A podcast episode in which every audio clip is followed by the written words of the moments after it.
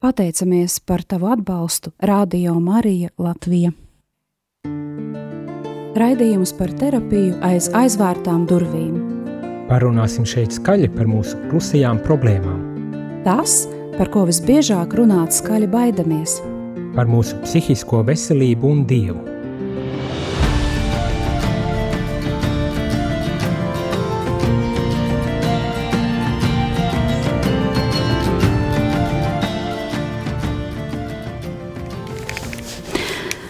Sveiki, darbie radījumi, arī klausītāji. Šodien studijā esmu atkal es, Geštāla psihoterapijas speciālists Sandra Grupenko, un ar mani kopā ir Dominikāņu māsa Diāna. Mēs šodien runāsim par pieaugušo bērnu attiecībām ar saviem jau padzīvojušiem vecākiem. Tad ļoti aktuāla tēma. Vismaz man kā terapeitei nāk saskarties ar šādu klientu grūtībām kabinetā. Bet uh, sākumā es iedošu mazu vārdu mazai Diānai. Varbūt var pastāstīt, uh, nedaudz iepazīstināt ar sevi. Kaut gan pieļauju, ka caur deju terapiju, meditāciju tu esi pazīstama, bet varbūt tu pati. Jā, paldies par uzaicinājumu, paldies par iespēju būt uh, Eh, tavā raidījumā un būt arī Radio Marija Latvija. Um, mani sauc māsa Diāna.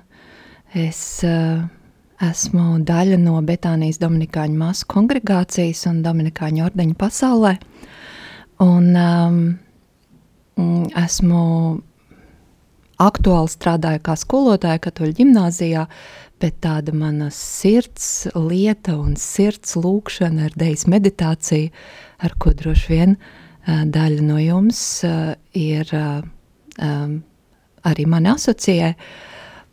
Un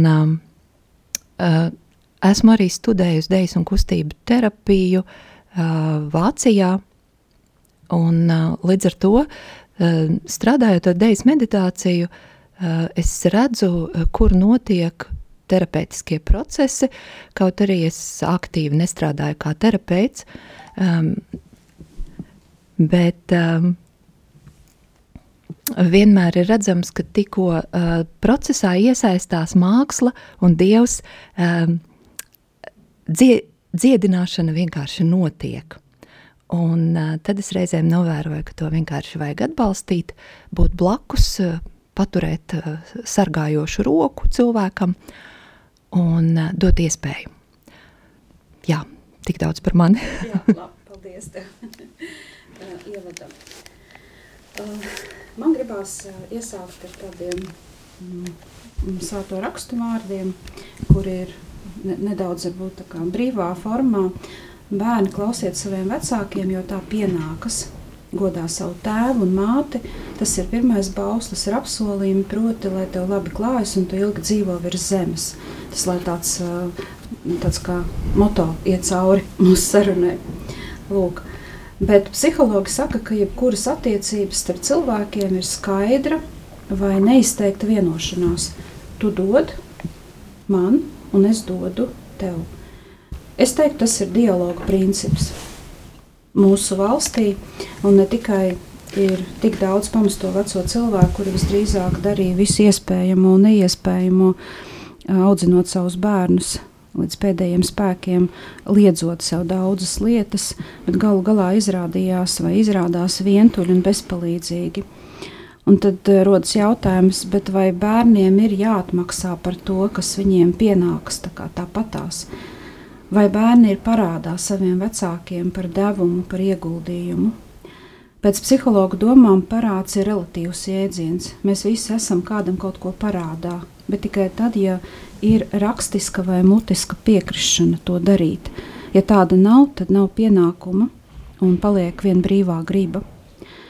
Ir zināms arī tas, ka šajā jautājumā bieži vien cilvēka rīcība tiek nosodīta, vērtēta, kritizēta, tā rodas konflikti un savstarpēji aizvainojumi. Lūk, tas ir tas, kas pirmais man nāk prātā par šo tēmu. Mm, cik var sašaurināt mums dotajā laikā, Kā tev, māsa Diana, šķiet, vai tu redzi kādas galvenās grūtības, kas rodas pieaugušu bērnu un viņu vecāku attiecībās?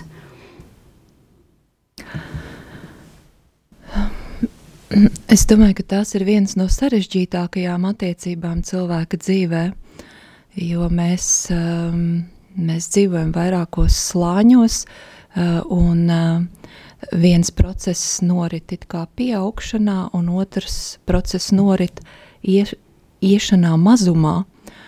Un nevienmēr šīs abas līknes uh, kustās līdzeni un līdzsvaroti, jo kā bērni mēs pieaugam, Mēs pieaugam visā uh, savā būtībā, gan fiziskajā, gan garīgajā. Savukārt uh, mūsu vecāki piedzīvo pretējo procesu, un tas ir gaužām normāli, ka um, viņas ir nelīdzsvarotas šīs līknes, jo mūs ļoti spēcīgi ietekmē apkārtējā vide, mūs ļoti spēcīgi ietekmē vērtību sistēma, kurā mēs dzīvojam, un mūsu prioritātes. Uh, un uh, es uh, domājot un gatavojoties raidījumam, pārdomāju, kā, kā es sastopos ar šīm situācijām, jo man kā klostermāsai pašai nav bērnu, un es piedzīvoju savu ģimeni un piedzīvoju tās ģimenes, ko, ko man ir tas gods savā ceļā, kā uh, kā uh, māsai sastapt. Un man liekas, ka mm, viena no, no tādām smagākajām lietām, ko es esmu daudz pārdomājusi, ir uh, tas, ko mēs mūsdienās saucam par toksisku izturēšanos un atsvešinātību. Un, ja es uh, domāju par savu paudzi, tad uh, laiks, kad um, mani vecāki uh, mani laida pasaulē un par mani rūpējās, tas bija laiks, kad pati sistēma noteica milzīgu atsvešinātību.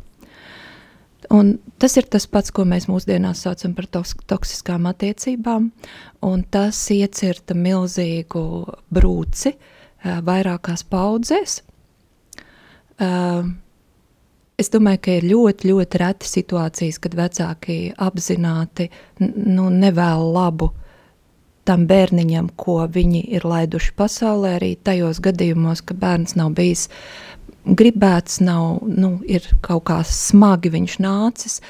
Uh, uh, es domāju, ka teiksim, tādos mūsu platuma grādos tomēr lielākoties vecāki uh, dara to labāko, ko viņi savā situācijā redz un saskata un spēj. Bet uh, uh, laikā, kad mana mamma mani audzināja, tā skaitīja, tas skaitījās labas audzināšanas un labas attieksmes pret bērnu un zīdaini pamatprincips, viņi neņēma uz rokām. Bērniņu satina un neņēma uz rokām. Un viņam bija jākliedz un jāraud, un viņi neņēma uz rokām. Otrs, protams, bija apstākļus, kā ja tu trīs mēnešu vecumā bērnu atdod silītē, jo visa apkārtējā sociālā vide tev vienkārši to nosaka. Mēs augām totalitārā valstī. Un mēs piedzīvojam šobrīd to blakus valstī mums, kad notiek atkal tas pats, tikai atgriezeniskā procesā. Ja?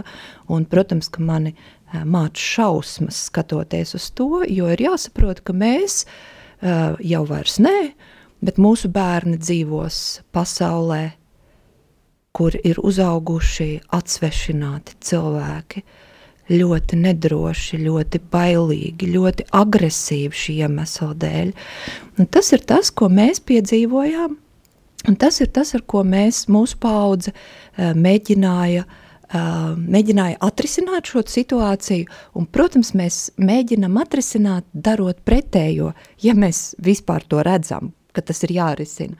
Nākamā paudze mums izauga ar um, tādas uh, pāraprūpes faktoru uh, un uh, uzskatu, ka uh, bērns jutīsies labi, ja viņam ļaus darīt visu un uh, nolasīs katru viņa, uh, teiksim, Vajadzību. ko var nolasīt no zīdaiņa, ja mēs viņu pat labs vecāks nespēja savu zīdaini iztulkot, ja viņam ir jāmācās tas.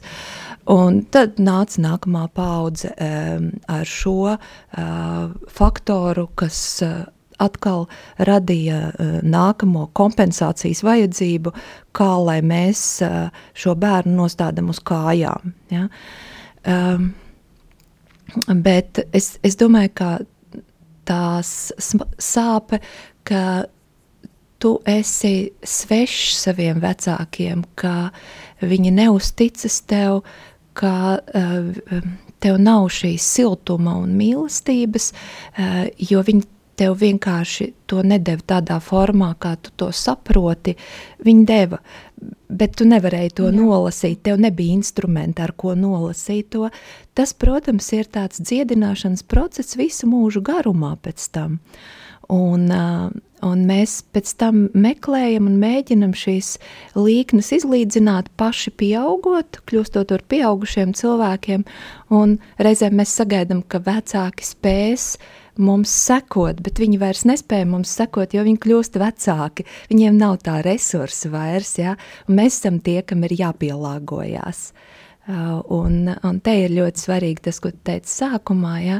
šī uh, vecāku cienīšana un godāšana, uh, Um, un ja mēs to neesam savā bērnībā pieredzējuši, ka mūsu vecāki ciena savus vecākus, Jā. tad, diemžēl, tas ir jāmācās no jauna. Ja? Un tas ir grūti. Es gribu vēl iestarpināties, tu saki, cienīja savus vecākus, bet uh, droši vien arī svarīgi ir, lai bērns izjustu bērnībā uz sevis, ka vecāks ciena arī viņu. Un tad uh, tas tā spoguļošanas tāda uh, reakcija, jā, tas veids, kā viņš iemācās cienīt, uh, tas, kas ar viņu pašu saistās. Jā, viena lieta ir viņš redz, protams, ka tur ciena vecvecākus, bet otra lieta, kad pret viņu attiecās ar cieņu, kad viņam ļauj izvēlēties, kad viņam ļauj pieņemt kādu kaut vai mazītiņu, bet tomēr pašu lēmumu. Tas, tas man šķiet arī diezgan svarīgs mirklis ir uh, tāds posms audzināšanā, tajās vecāku un bērnu attiecībās. Jo tas pēc tam vēlāk, ja mēs druskuļi pārlecam, jā, tur tādu kaut kādu varbūt, pusauģu periodu un uh, atnākam pie tā perioda, kad mēs esam jau pieauguši, kad mums pašiem varbūt ir 40, 50, varbūt 60 un vairāk. Un jau mums Dievs ir devis, ka mums ir vecāki. Jā, un, Un tur arī ir tādas sarežģītas reizēm tās attiecības, kad tas vecāks viņš jau aizvien ir tajā vecāka lomā. Viņš nav palaidis to bērnu vaļā. Bērnu saku pēdiņās, kurš jau pats ir varbūt vecais tēvs vai vecā mamma. Ja viņš ir izveidojis savu ģimeni, ja viņš spējas tajā tādā, uh, tādā veidā tikt varbūt toksiski audzināts, bet spējas izveidot savu ģimeni. Uh, un uh, viņam ir kontakts ar vecāku, viņš rūpējas tomēr, jo ir tas pienākums, ja, īpaši kristiešiem uh, ļoti bieži ir tā, viņš neizprot līdz galam uh, to mīlestību, tā kā to Dievs ir pavēlējis, bet viņš uh, apzinās, kad ir jāpalīdz, kad ir jārūpējās, kad ir jāgādā, un tur parādās tās grūtās attiecības, ka uh, mani vecāki vēl aizvien uh, kontrolē manu dzīvi, jau arī tur, teiksim, mazbērnu, bet vēl aizvien manu dzīvi. Mazbērni varbūt viņi tur jau aiziet, izvēlās tur un tā cita paudze. Un šeit kā paskaidrot vecākiem, ka es jau esmu pieaudzis, ka es jau veicu tās izvēles pats, un ka ne viss, ko tu man saki, sakrīt ar to, ko es gribu darīt, kā es gribu dzīvot. Kā tev šis izklausās? Es domāju, ka tas ir absolūti normāls, uh, normāli konflikti, um, un viņus nevajag tulkot kā negatīvus. Um, konflikts uh, ir savā ziņā uh, normāla dzīves sastāvdaļa. Nevienmēr mēs ar viņu, ar, ar, ar konfliktu situācijām spējam, uh, teiksim, labi un patīkami tikt galā. Uh, diemžēl mums tas nav mācīts. Mēs, mēs nemākam apieties ar konfliktu, kā ar, kā ar normālu um, komunikācijas daļu, uh, bet jaunākā paudze jau to reizēm uh, diezgan veiksmīgi māk. Un, um, ir jāsaprot, ka pieaugušam cilvēkam uh, nepatīkamas izjūtas un situācijas ir normāla dzīves daļa, un tu vari būt konfliktā ar saviem vecākiem kādu laiku, uh, un tu vari būt dažādās, dažādos viedokļos par kaut kādiem jautājumiem, bet tas nenozīmē, ka tu necieni savus vecākus, un tas nenozīmē, ka tu esi viņa ienaidnieks. Un, To vajadzētu um, mācīties cilvēkiem un saprast, ka tā ir vienkārši pieaugšanas sastāvdaļa. Uh, un arī tad, ja man ir dažādi uzskati kādos jautājumos ar maniem vecākiem, tie ir mani vecāki, es viņus mīlu un es viņus cienu.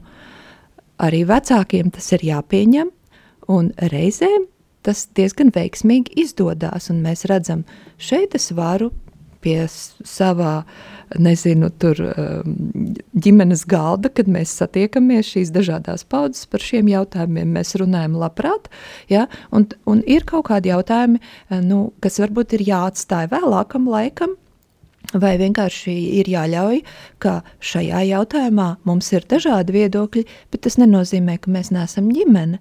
Mm, jā. Piekrītu, Piekrītu tavai domai.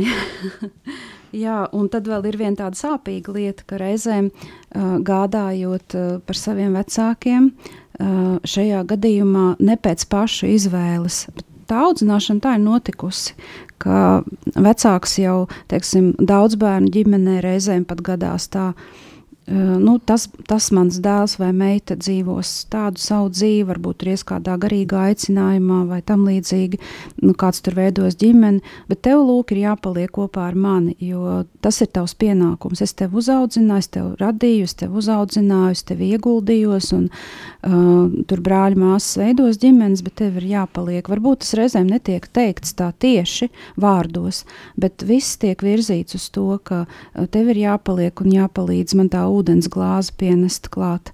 Un uh, tad sanāk, ka šis uh, dēls vai meita mm, neizveido, viņam neizveidojās varbūt tās grūti pateikt, vai viņam nav īstās vajadzības pēc ģimenes savas reizēm, vai viņš nesaprot, kā to darīt, vai viņam tā nasta tik ļoti manipulatīvi tiek uzlikta, ka viņš nespēja vienkārši pats to noņemt nost bez kādas ārējas palīdzības. Šis ir ļoti interesants jautājums. Um, es domāju, ka tam saknes ir dziļāks. Um, mēs dzīvojam sabiedrībā, kur uh, ģimenēs um, lielākoties ir viens, divi bērni. Šis uh, stāsts, ko tu stāsti, man tā ir normāla situācija, bet nāk no uh, sabiedrībām, kur normāli bija, ka ģimenēs ir 5, 6, 7 bērni. Jā. Un vienmēr bija skaidrs, ka pirmais, nu, es tagad improvizēju, Jā. ka pirmais tiks veltīts dievam, otrais bērns paliks mājās, trešais bērns būs tas, kurš mācīsies amatu. Jā, tie bija sabiedrībā valdoši uzskati, un elastīgas ģimenes reizēm mainīja šīs pozīcijas Ja, ja viņas bija inteliģentas un elastīgas savā domāšanā, un viss, eh, teiksim, iekšēji labi funkcionēja, eh, bet līdz ar to uh, bija lielākas, lielāks spēles laukums, lai varētu saprast, kurš bērns ir tas, kurš grib mācīties amatu un grib iet pasaulē, kurš bērns ir ļoti tiecās pēc reliģijas, pēc kaut kādas reliģiskās piedarības un grib to izdzīvot, un uh, kurš bērns tad ir tas, kurš uh, paliks mājās, jā, bet kurš reizē arī mantos māju, un līdz ar to viņš arī rūpēsies par šiem uh, vecākiem, kas paliek ar vien vecāki.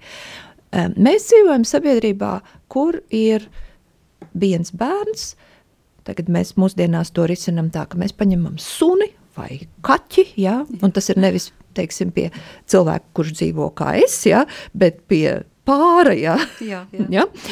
um, kur pavisam tas novirzās teiksim, no tēmas, ja, jo tas suns un kaķis jau skaidrs, ka dzīvos mazāku to laika posmu. Ja. Un mēs pilnīgi mierīgi atrisinām savu egoismu situāciju šādā veidā. Eh, bet, bet ģimenes, kur mums aug viens bērns, es pat nāku no tādas ģimenes, šim bērnam ir milzīga nasta, jo viņam ir jāizpilda visas šīs sociālās lomas vienlaicīgi. Ja? Un, protams, ka var būt situācija, ka viņš vienkārši ar to netiek galā.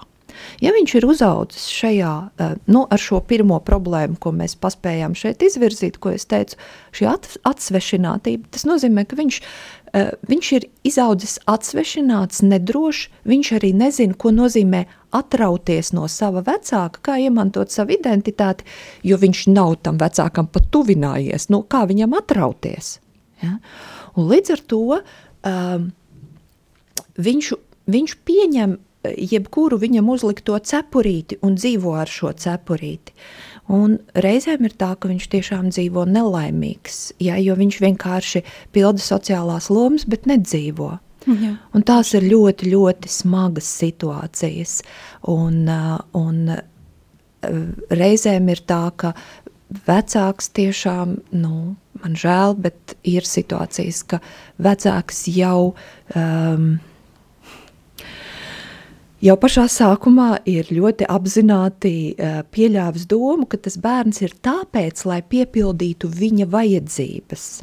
Un tas vecāks dzīvo arī ar to. Ja? Un, protams, ka viņš ir spēcīgāks par bērnu. Viņš ir spēcīgāks, un tā, ka viņš paliek vājāks, tad tas bērns viņam atmaksā ar to pašu. Ja? Mm -hmm. Mums ir divi nelaimīgi cilvēki, ja? kuri būtībā vienkārši viens otru spoguļo. Ja? Un brīnišķīgi, ja mums ir pieejams nu, baznīcas atbalsts vai terapeita atbalsts, ka mēs spējam atkost šo musturu un spējam mēģināt vismaz izkāpt no šī iezīmētā mustura vai ceļa un uzsākt kaut ko jaunu.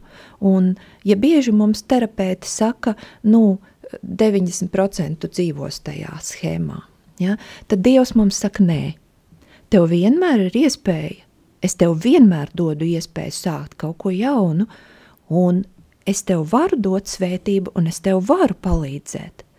Tad man liekas, ka tā ir cilvēkiem milzīgs resurs, milzīga iespēja atklāt Dieva klātbūtni savā dzīvē un iepazīt to, ko Dievs ir apsolījis katram cilvēkam, un pirmkārt jau uh, brīvību. Dievs ir apsolījis katram cilvēkam brīvību, un neviena pieredze un mm, neviens, teiksim, nu, neveiksmīgs ģimenes model, modelis uh, nespēja stāvēt pāri šai brīvībai. Tā ir brīvībai, ko Dievs cilvēkam ir devis. Um, es iestarpināšos drusciņi pavisam īsi, bet Tu saki, uh, ko saka psihologi vai terapeiti, un ko saka baznīca, Dievs. Bet kas būtu pašam cilvēkam jādara tajā vietā, vai viņš tā kā arī piedalās, kā tev liekas? Jo reizēm klausoties cilvēku to tādu nu, pilnīgāko nespēju, nespēku, neziņu. Ja viņš nezina, viņš atnāk, viņš sarunas laikā, es nezinu, man ir tāds izmisums, es neprotu, bet man ir ļoti slikti. Un es lūdzos un lūdzos, un ja viņš ticīgs, tas cilvēks, viņš tiešām tur visādos veidos mēģina to garī, garīgos vingrinājumus dažādi veidi pildīt. Jā. Un, un pat beig beigās viņš ir pie psihoterapeita atnācis, un, un ir vēl arī tāda, kas vēl kaut kur tālāk iet kaut ko meklē, to, kas varbūt tās varbūt pat baznīcas acīm izskatītos nevisai varbūt vēlams. Ko tad tam cilvēkam darīt, ja viņam nesanāk? Kā tev liekas, vai, vai tam vispār ir recepte? O, dzīvē nav receptes. Nav. Paldies Dievam, dzīvē nav receptes. Tas dara mūs vienreizējus, bet tas smagais vārds ir atbildība. Un, protams, ka cilvēks, kurš jau tā ir nomākts un kuram nu, viņš redz, ka viņš nav laimīgs un ka, ka viņam nav aizrautības un nav intereses dzīvē, ja viņam pasaka vēl atbildība, ja, um, tad reizēm varbūt arī to nevajag uzreiz teikt. Jā. Tas ir kā tāds smags kartupeļu maiss. Bet patiesībā tas vārds ir ļoti atbrīvojošs, ja? jo tu saproti, ka tu vari mainīt savu dzīvi, bet tev ir jāuzņemas atbildība. Un kamēr tu saki, mani vecāki ir vainīgi pie tā, ka man tur tā un tā un tā, ja tu griezies vienkārši tajā trīs stūrī, četri stūrī, vai kas nu tur psiholoģijā parasti schēmās tiek iezīmēts, ja? un tu visu laiku rotē tajā. Ja? Tu, tu rotēties savās lomās, bet tajā brīdī, kad tu saki, um, nē, Es pats esmu atbildīgs par savu dzīvi, un vienalga arī, cik man tās dzīves ir, te nav šobrīd nozīmes par to, vai es esmu uh, jau 20 gadus tā dzīvoju, 30 vai 50 gadus tā dzīvoju. Es domāju, katram cilvēkam ir kaut kāds laiks, kad viņš var iesākt no jauna, un te nav vienādas receptes, kad tu sāc uh, dzīvot savu dzīvi no jauna, uh, uzņemoties atbildību par savu dzīvi. Bet jāsaprot, ka atbildība dod arī mm, daudz vairāk iespēju, daudz vairāk izvēļu un daudz lielāku brīvību. Jā, un visi mēs esam tam gatavi. Jo, ja mēs esam visu laiku auguši kā uh, savas vecāku daļas uh, pasūtījums, ja, tad ir ļoti grūti nonākt līdz savam patiesajam attēlam, kas es īsti esmu. Bet es domāju, tik un tā, ka atslēgas vārds ir uzņemties atbildību par savu dzīvi un beigt teikt, ka mana mamma vai mans tētis vai man jā, taisnība. Katrs vecāks nodara savam bērnam pāri. No tā mēs neizbēgsim, un ja es būtu vecāks, es noteikti nodarītu daudz pāri savam bērnam, un man būtu milzīga sirdsapziņas pārmetuma par to. Bet arī ar to ir jādzīvo, jo tas pieder pie pieauguša cilvēka dzīves. Tu nevari visu ideāli izdarīt, ne kā vecāks, ne kā bērns. Bet tev ir jāuzņemās atbildība gan par savām kļūdām, vai par saviem grēkiem, jā, un jācenšas to vērst par labu, un gan, gan par to, ko tu dari labu. Jā, ko, jā, tas, tas norit paralēli. Tas nav tā, ka mēs tikai kļūdāmies, vai mūsu vecāki tikai sliktas lietas izdarīja ar mums. Viņi daudz izdarīja labas lietas ar mums. Mm, jā. Um, paldies, tev šajā vietā drusceņi uh, apstāšos un tevi aicināšu uz, uz pauzi un arī mūsu dārgos uh, rādījumu arī klausītājus. Uh, mēs esam diezgan uh, svarīgas lietas pārunājuši un uh, klausījušies māsas Diānas tādas pārdomās. Uh, aicinu uz pauzi, muzikālu pauzi un drusciņā pieskarties arī sev, savai sirdī, ko, ko šajā brīdī es dzirdu, ko es saprotu par sevi un uz kurien tas mani ved un ar ko kopā es turien eju.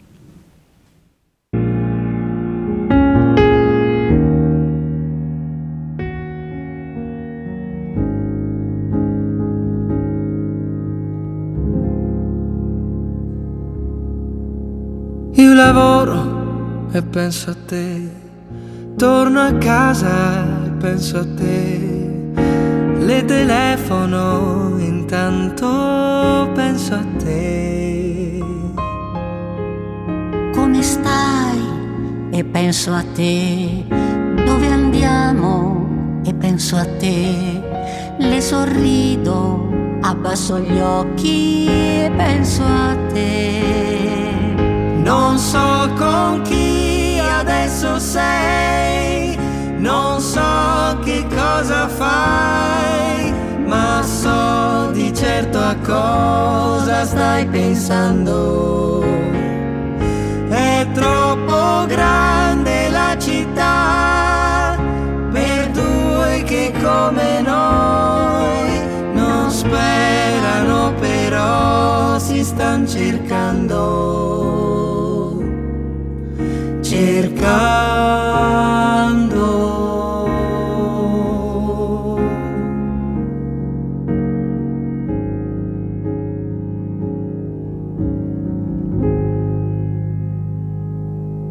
Scusa è tardi e penso a te, t'accompagno e penso a te. Non sono stato divertente e penso a te. Al buio e penso a te. Chiudo gli occhi e penso a te. Io non dormo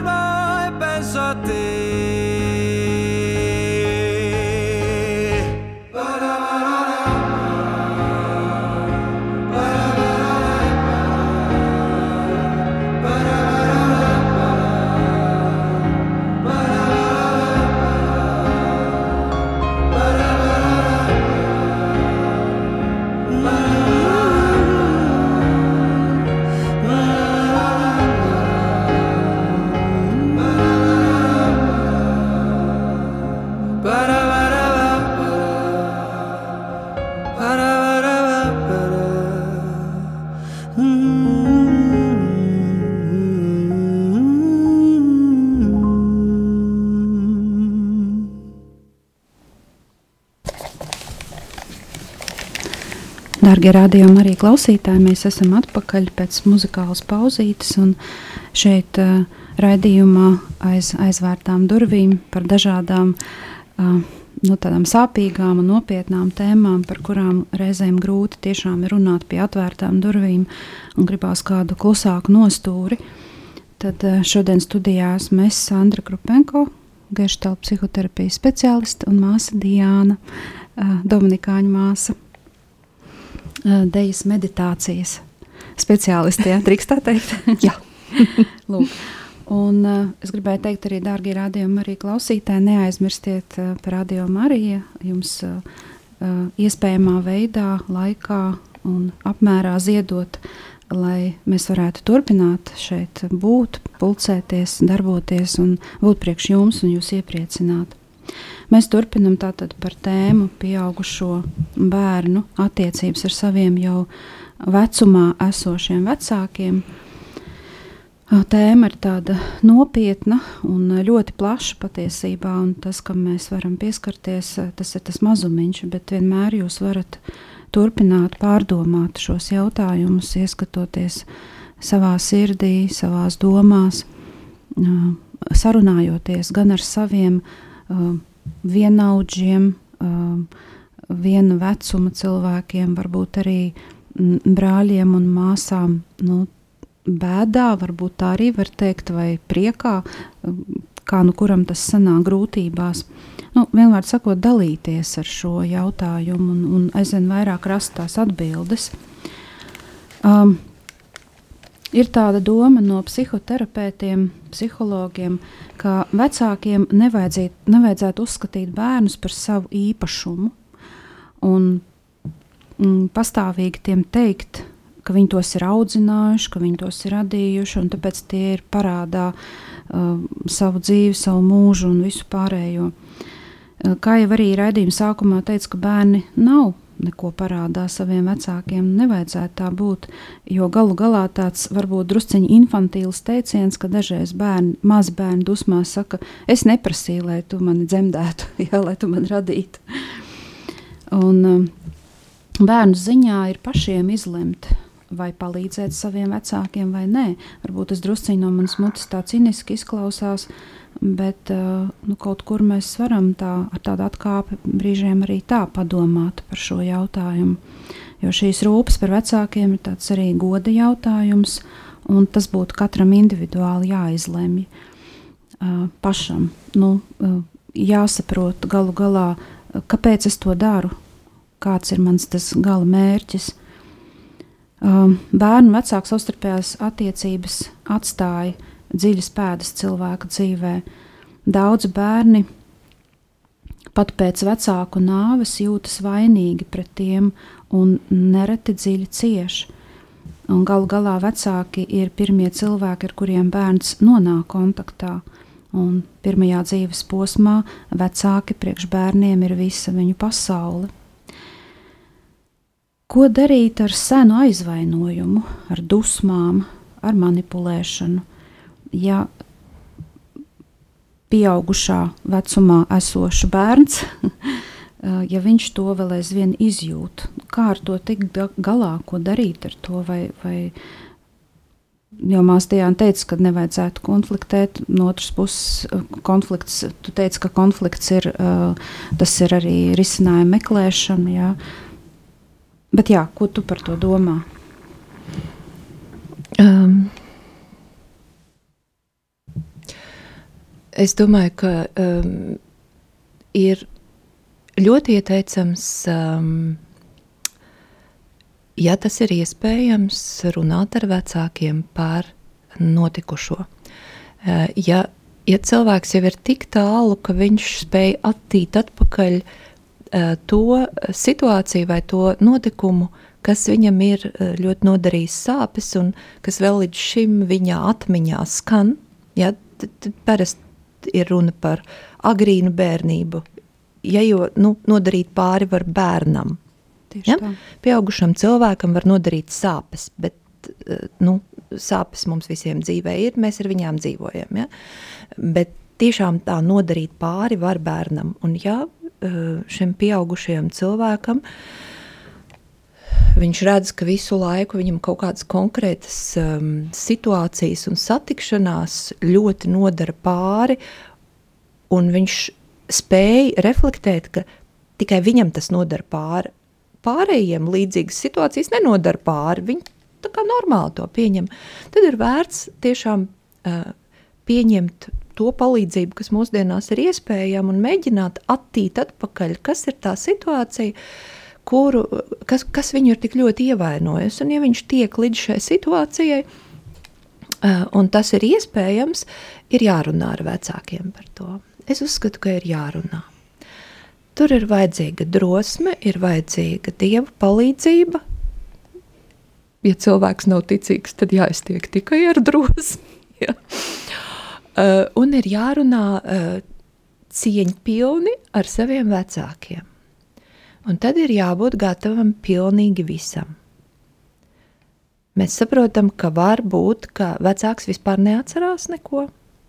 Arī tā var būt Jā. tiešām. Uh, var būt, ka tā situācija vecāka atmiņā spēlē pilnīgi citādāk. Un tad ir jāskatās, ko, ko mēs varam iesākt tālāk. Un, protams, ir brīnišķīgi, ja cilvēks nav viens tas, ko tu teici, ja, lūdzu, nepalieciet vieni. Jūs neesat neviens, mīļie klausītāji, tik absolūti vientuļās salas un vienreizēji, ka jums nav neviens līdzīgs pasaulē. Ticiet man, mums visiem ir kāds līdzīgs ar līdzīgu sāpi, tikai meklējiet viņu, atrodiet. Tie ir vai nu draugi, tie ir vai nu jūsu kopienas, tās ir varbūt baznīcas grupas kādas, ja tie ir varbūt jums darba kolēģi, varbūt jūs pat nezināt, kur jūs vēl varat atrast, jā, bet cilvēki ir ar līdzīgām sāpēm, ar kuriem var parunāt. Un tad ir jāaiziet tālāk no situācijas, kāda tad rodās runājot ar vecāku par šo seno sāpi vai šo lielo, lielo bēdu, kas nāk man līdzi visā dzīvē, un ir arī jāizstāsta, kādas sekas ir tai situācijai. Jo parasti cilvēkam, katram cilvēkam ir zināms empātijas daudzums, un viņš spēja just līdzi, ja tu atklāti pastāsti, cik tu ļoti visā savā dzīvē pēc tam esi bijis sāpināts no šīs iespējams kaut kādas mazas lietas, jā, bet kas tev ir tik ļoti, ļoti nodarījusi pāri, tad reizēm un ļoti bieži šajā brīdī tu saņem ne tikai šo mm, nu, ļoti tev vajadzīgo izpratni, un, un bieži ir tā, ka arī vecāks saka, uh, es nezināju, piedod lūdzu man. Jo piedošana ir tas, kas mums visiem ir vajadzīgs, bezgalīgi vajadzīgs, ja? ka, ka, saprot, ka cilvēks saprot, ka mums ir nodarīts pāri un saka, piedod lūdzu man. Un uh, ir jābūt drosmēm, bet ir jāiet uz, uz šo situāciju. Uh, Man liekas, ka grūtāk ir tad, ja mēs šīs atsvešināšanās rezultātā esam um, zaudējuši savu vecāku daļu. Viņa ir aizgājusi mūžībā. Jā, es tieši par to šajā brīdī iedomājos, ja vairs nav. Tās ir sarežģītas situācijas, jo mēs vairs nevaram dabūt atpakaļ.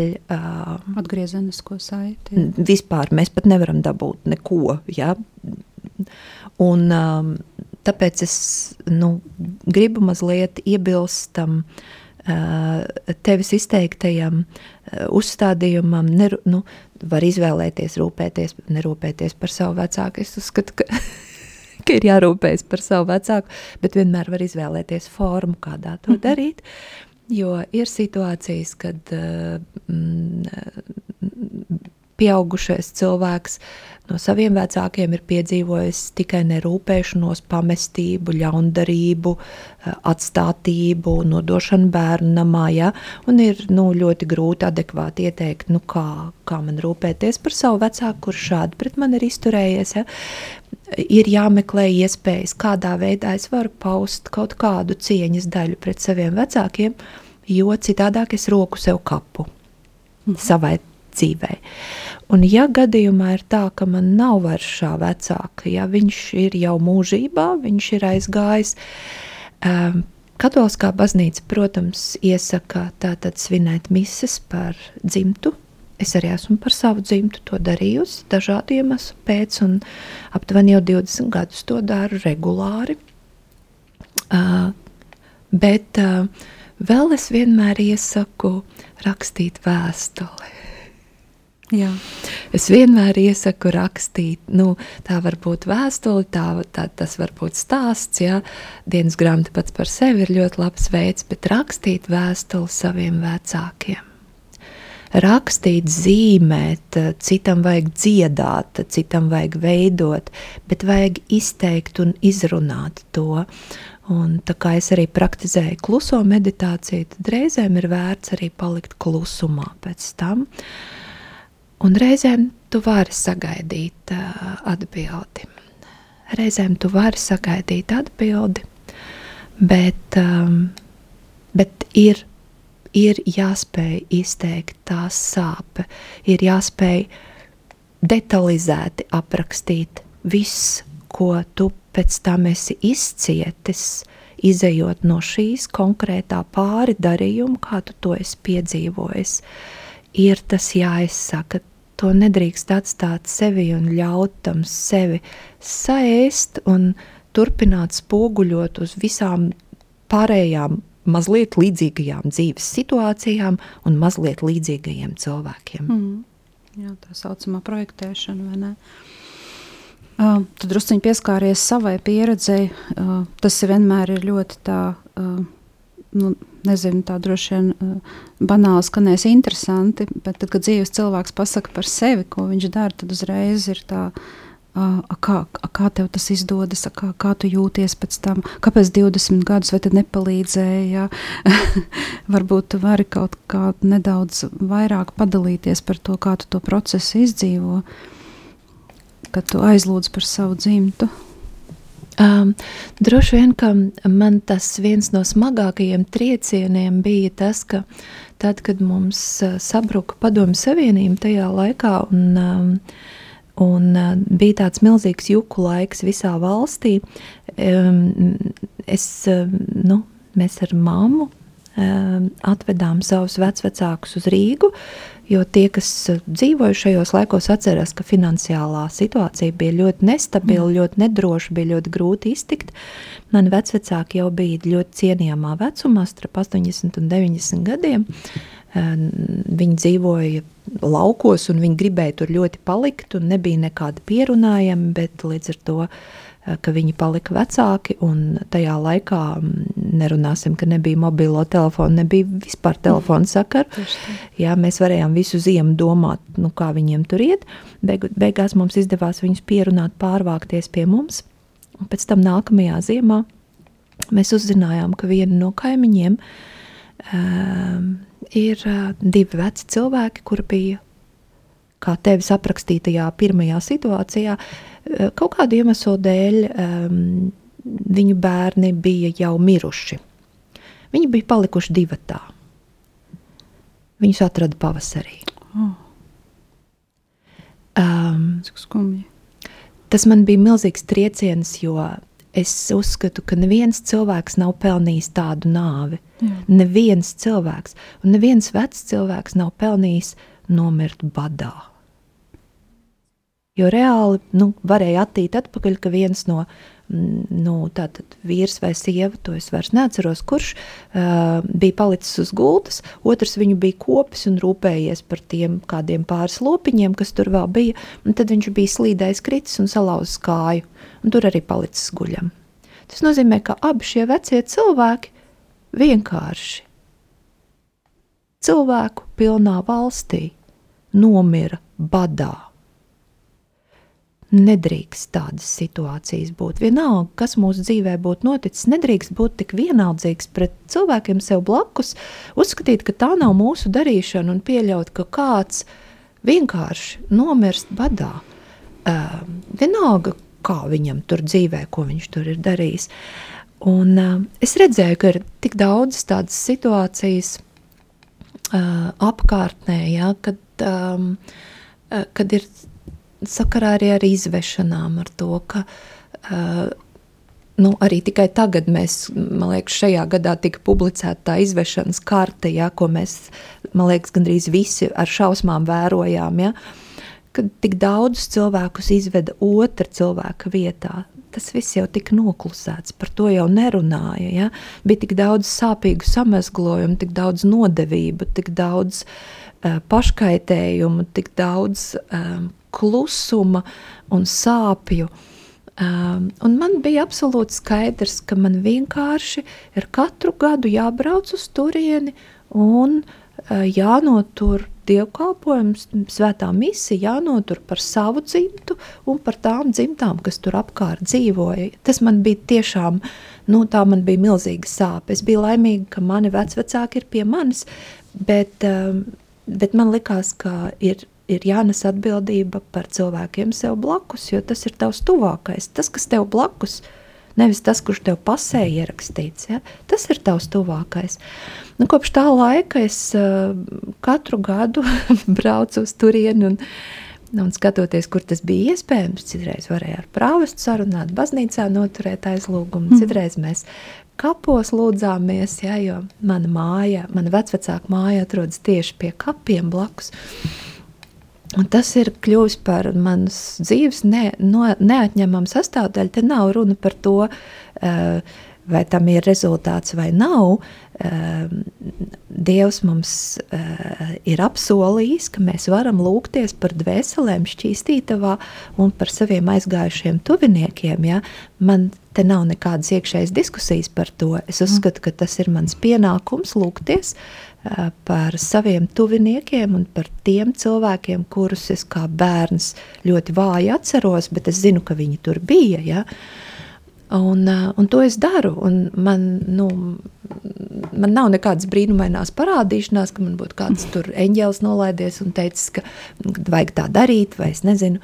Ja? Tas ir, es domāju, ka ir tā, tā iekšējā nepieciešamība, kas man kā klostermāsai man ir nepieciešamība uh, pēc lūkšanas, un man ir nepieciešamība lūgties par savu dzimtu un par tiem cilvēkiem, kas dzīvoja ap manu dzimtu. Ja, jo laukos visi bija saistīti. Tur nav tā, ka dzīvo pilsētā kaut kā atsevišķi savā vientuļajās mājās. Ja?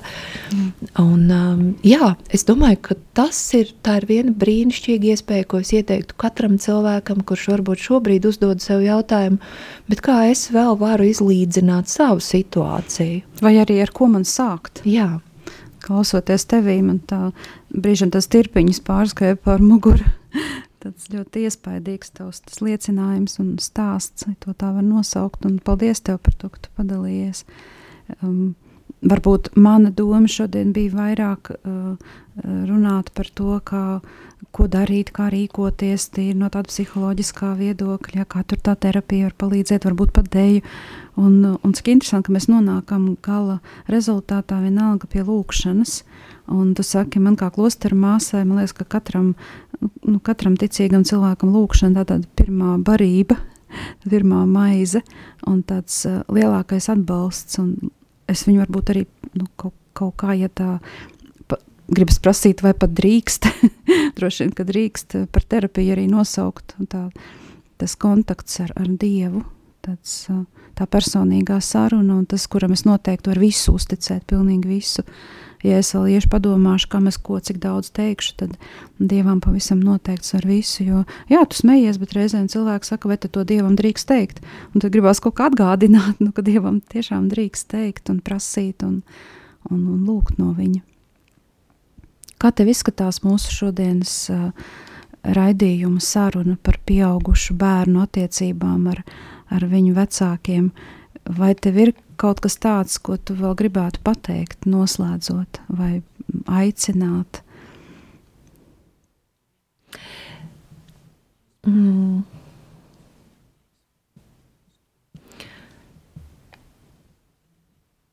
Noteikti es gribētu aicināt um, mīlēt savus vecākus, kamēr viņi jums ir.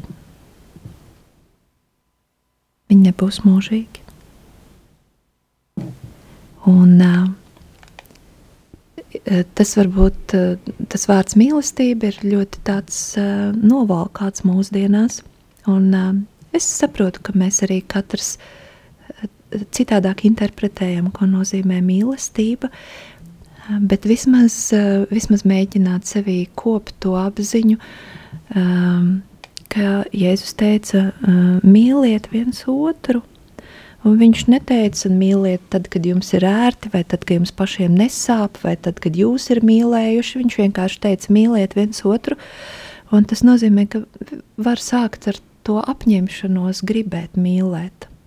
Arī tad, ja to vecāku ir reizēm grūti mīlēt, jo varbūt vispirms pretī nāk tikai tas kaut kādas sāpes nodarījums vai aizvainojums pret savu vecāku, tad vismaz iekšējā sākt audzēt to apņemšanos.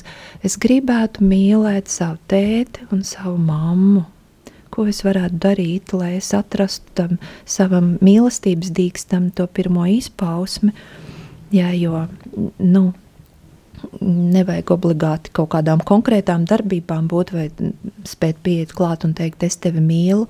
Mums kā latviešiem tas vispār nav raksturīgi pārāk, ja jaunāki cilvēki no, no mūsu tautas jau māk to izdarīt, mēs esam atturīgāki, bet, eh, bet mīlēt savus vecākus. Ja mēs nemīlam savus vecākus, mēs barojam paši sevi rindi. Un Protams, vecākiem mīlēt savus bērnus ar dievu mīlestību, neko no viņiem neprasot un negaidot.